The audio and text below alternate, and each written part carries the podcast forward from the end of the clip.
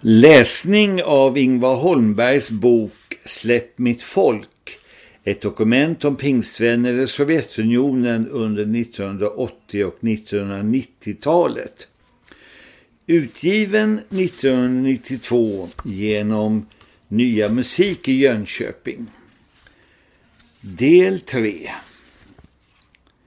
Pastorn, oavlönad men mäktig. Kanske är församlingen i varje land till en viss del präglad av sitt land vad det gäller styrelseskick. I alla fall är de flesta av Sovjets församlingar auktoritärt styrda av äldre män.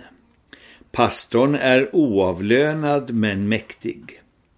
Kanske maktpositionen till viss del förklarar det för mig så obegripliga att många kristna män så hett åtrår pastortjänsten. Det innebär ju i praktiken två arbeten, ett obetalt och ett dåligt betalt eftersom man måste vara ledig så mycket. Dessutom har pastorn ingen fritid och ofta en ytterst försummad familj. Jag ska vara pastor här tills jag dör, deklarerade en pastor gång på gång för sina trötta församlingsmedlemmar. För ett par år sedan, vid cirka 85 års ålder, gick han med på att man tillsatte en yngre föreståndare. I en församling i Vitryssland är pastorn sängliggande efter en olycka men han vägrar att lämna över föreståndarskapet till någon annan. Den ryska motsvarigheten till våra äldste är diakonerna. De avskiljs till tjänst av pastorn, eventuellt biträdd av grannpastorer. Pastor invigs man till av biskopar eller distriktsföreståndare. Både pastor och diakon är man på livstid och i hela riket vart man än flyttar. Tjänsten är alltså inte lika starkt knuten till den lokala församlingen som exempelvis hos oss i Sverige. Om man har kallat en ny pastor invigs han inte med handpåläggning i den nya församlingen utan den ursprungliga handpåläggningen gäller. En pastor eller diakon som har flyttat till annan ort kallas alltså pastor eller diakon även om man inte direkt fungerar i den rollen på den nya platsen. De senaste åren har det tyvärr uppstått en hel del av generationsmotsättningar och många yngre är missnöjda. De tycker att de hålls tillbaka i evangelisationen för mycket. Naturligtvis finns det många underbara äldre pastorer som stöttar sina ungdomar och verkligen finns med dem i evangelisationens frontlinje. Ändå är min känsla att det inte finns samma tillväxt- och utvecklingsklimat som när en pastor har en eller flera anställda yngre medarbetare som på ett naturligt sätt växer in i ansvarsfulla uppgifter. Det börjar nu komma små signaler på en större öppenhet att ha anställda pastorer men motståndet är ganska stort både från medlemmarna och från pastorerna själva. Överallt där jag får chansen försöker jag påvisa att det praktiskt taget är en synd att inte ha anställda pastorer nu när arbetet är så stort och de nyfrälsta så många. Jag möts av förståelse rent principiellt men i praktiken går förändringen i den här frågan väldigt långsamt. Det har under det senaste året kommit fram en armé av heltidsanställda evangelisationsteam och missionärer för pionjärarbete men i församlingarna är förändringarna små. I de oregistrerade församlingarna har det nästan varit obligatoriskt att ha en längre fängelsevistelse bakom sig för att få pastorslegitimation. Nu har en del yngre män förstås kommit till som inte har fängelsepraktiken. Ibland kommer det ändå fortfarande fram att lidande och fängelse liksom automatiskt ger visdom, auktoritet och ledarskap. En kvinnorörelse på männens villkor. Jag har i en och annan församling i Sverige hört benämningen Gumhavet med tanke på kvinnoöverskottet i församlingarna även om det naturligtvis snarare är ett mansunderskott. Men i före detta Sovjetunionen kan man verkligen i en del församlingar tala om gumhav och speciellt i de högre åldrarna. Det hänger naturligtvis samman med att många män dog i fånglägren eller också vid fronten i andra världskriget. I Vitryssland gick en fjärdedel av befolkningen under i kriget. Fast man kommer inte ifrån att det är fler kvinnor än män som kommer till tro även nu. Pingströrelsen i Sovjet är väldigt bokstavstrogen och konservativ vad gäller kvinnans tjänst i församlingen. Man ser aldrig en kvinna predika förstås, men inte heller vittna eller läsa ett bibelord. Kvinnan får bedja högt och sjunga solo och läsa dikter, ett omtyckt inslag i gudstjänsten och undervisar söndagsskolan. Annars ska hon vara tyst och föda barn och laga mat och ta hand om gäster. Väntade som oväntade. Pingströrelsen är till stor del en kvinnorörelse men helt på männens villkor. Vad tänker moderna kvinnor i ledarnas ställning när de kommer i kontakt med församlingarna månntro? Familjeliv och sexualitet. Pingstvännernas familjer är stora och trångbodda. Ofta delar flera familjer på en lägenhet jag har bekanta i Moskva som bor 18 personer i fyra rum och kök. Det äldre paret tillsammans med två ogifta vuxna barn, son och dotter, sover i ett rum. Den ene sonen med fru och fyra barn bor i ett annat rum och den andra sonen med fru och fem barn sover i det tredje rummet. Slutligen bor en faster i det fjärde rummet.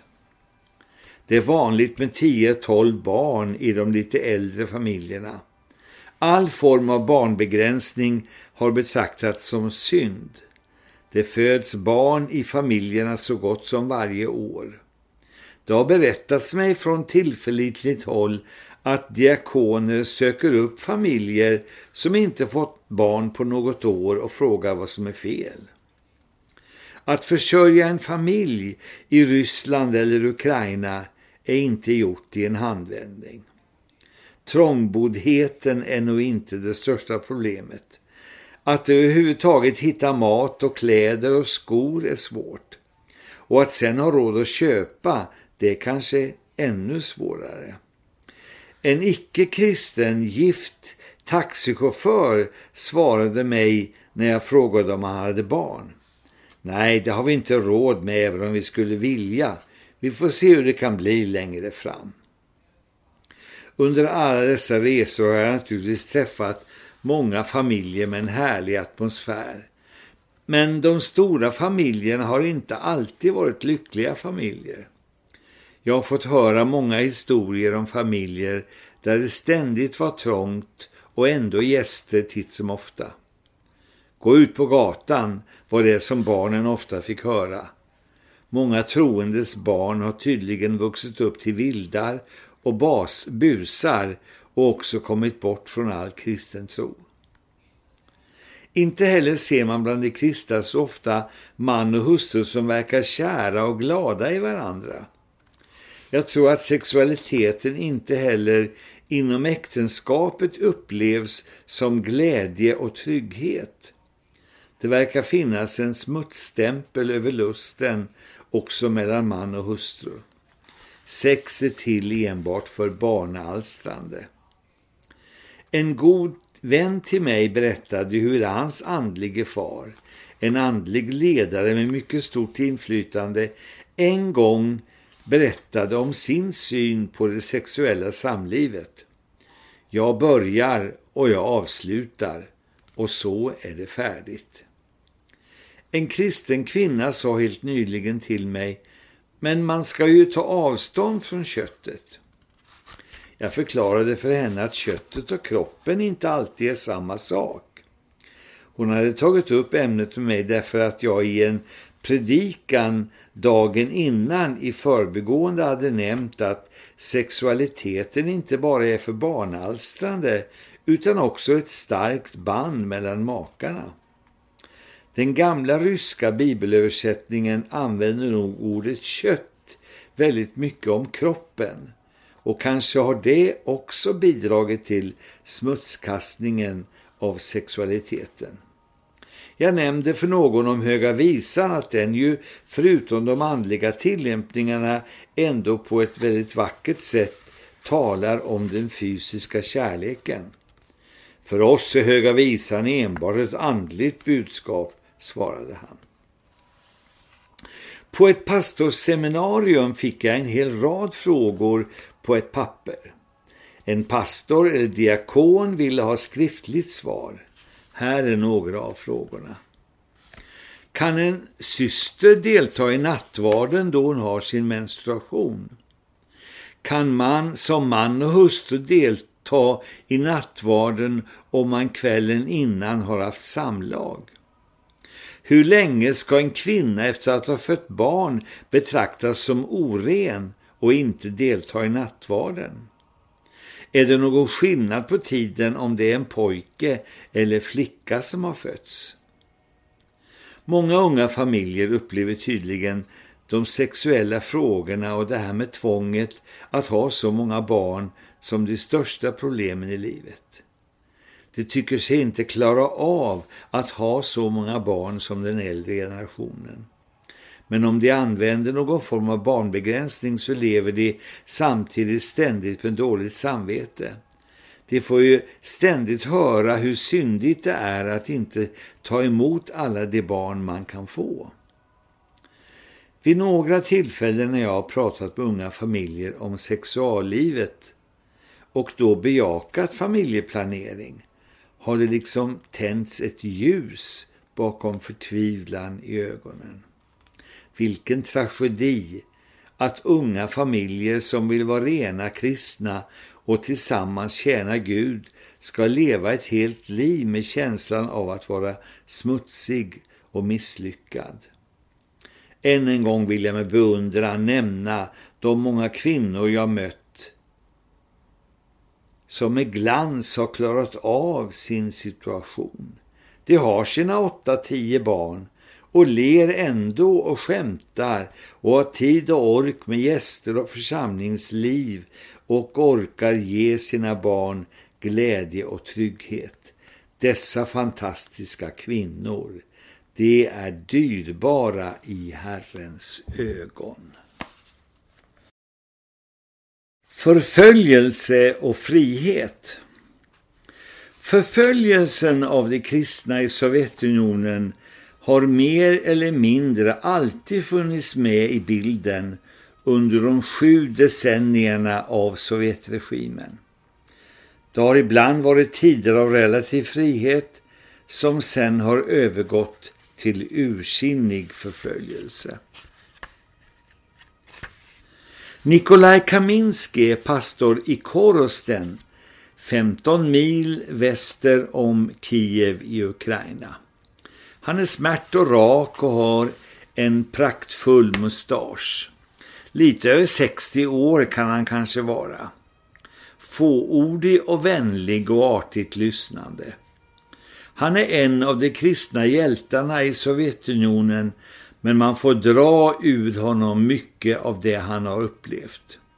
I många år var han en av de ledande biskoparna i den oregistrerade pingsrörelsen. För några år sedan beslöt han ta församlingen med sig in i registrering. Han är också en av dem som mest målmedvetet har arbetat för bildandet av en pingstunion. Men vi får inte glömma bort att pingstvännerna långt tidigare vid ett par tillfällen försökte bli registrerade som pingstvänner men det avslogs av myndigheterna, berättar han. Och han säger vidare under andra världskriget var Ukraina under Tyskland. Det var en tid av stor andlig frihet. Efter krigsslutet fortsatte friheten en tid, men så blev det åtstramning igen. Pingstvännerna fick ultimatum att antingen ingå i baptistunionen eller också upphöra helt. Vi var många som kände att det bara fanns en väg att gå, att fortsätta att arbeta som underjordiska församlingar. Jag var en ung man och ville tjäna Gud och vittna om honom. Det ledde till att jag åtalades och blev dömd till döden. Dödsstraffet omvandlades sen till ett 25-årigt fängelsestraff. Jag avtjänade 11 år i fångläge med sträng regim. Sen blev jag benådad. Alla kristna fångar var, för, var fängslade under paragrafen om politiska brott. När det blev allmän amnesti för alla politiska fångar blev på så sätt också alla kristna fångar fria. Och så frågar jag, hur var det i fängelserna och hur såg de andra fångarna på er kristna? Respekterades ni? Han berättar, jag minns när jag var på ett genomgångsläger under drygt en månad innan jag förflyttades till mitt permanenta läger. Det var första kvällen i en jättelik sovsal för över hundra fångar i tvåvåningssängar, tätt packade och med smala gångar mellan. Jag såg mig omkring och kände att jag var tvungen att bekänna färg om jag skulle klara av det här. Så jag ställde mig på knä i sängen och började bedja högt. Det hade blivit så att ett par av de värsta ledarna i fängelset var på varsin sida om mig. Under hela min bönestund blåste den ene tobaksrök åt mitt håll och den andra svor i mitt öra och sa en massa fula ord. Så var det i en hel vecka. Sen sa de här två, vi har velat pröva om du är en verklig kristen, nu förstår vi att du är det. Vill du lära oss att be? Så fick jag lära dem att be Fader vår. Och i fortsättningen blev det så att när jag bad så röt de här två till de andra Håll tyst, gudsmannen ber. Efter fyra veckor bad hela logementet till Gud. Så nog respekterades den som ville vara en verklig kristen. Och Nikolaj berättar vidare. Efter min frigivning gifte jag mig med Zina som också hade suttit i fängelse för sin tro. Vi har fått fyra barn som alla är underbara kristna och hjälper mig i arbetet. När de var små och KGB gjorde husrannsakan titt och tätt brukade barnen kvickt hoppa ut genom fönstret med alla kristna böcker vi hade och så gömde de undan böckerna. När hela ledarskapet i vår rörelse blev arresterade och fängslade samtidigt fick jag samla några yngre bröder och tillsammans med dem utgöra en ledargrupp för vårt arbete över hela Sovjetunionen under många år. Vi fortsatte sen tillsammans med våra ledande biskopar när de blev frisläppta. Jag dömdes ytterligare en gång men just då var jag sjuk och kunde inte sättas i fängelse. Därför klarade jag mig men var i husarrest. Jag smög mig ut och var ofta borta hela nätterna för att besöka församlingar och möten. Arbetet krävde det, även om min hälsa egentligen inte tillät det. Och där har jag skrivit inom parentes förmodligen inte KGB heller. Och så berättar han vidare, för ett par år sedan lät jag registrera församlingen. På sommaren hade jag den första öppna dophögtiden nere vid floden på en öppen plats. Vi satte upp affischer om mötet och monterade upp högtalare. Omkring 5000 människor samlades för att se och höra och många lämnade sina liv åt Gud i det mötet. Sen har många blivit frälsta. Vi har byggt en bra kyrka. Nu har vi ett kristet barnarbete dit vi inbjuder icke-kristna familjers barn och vi har knappast plats för alla som vill komma.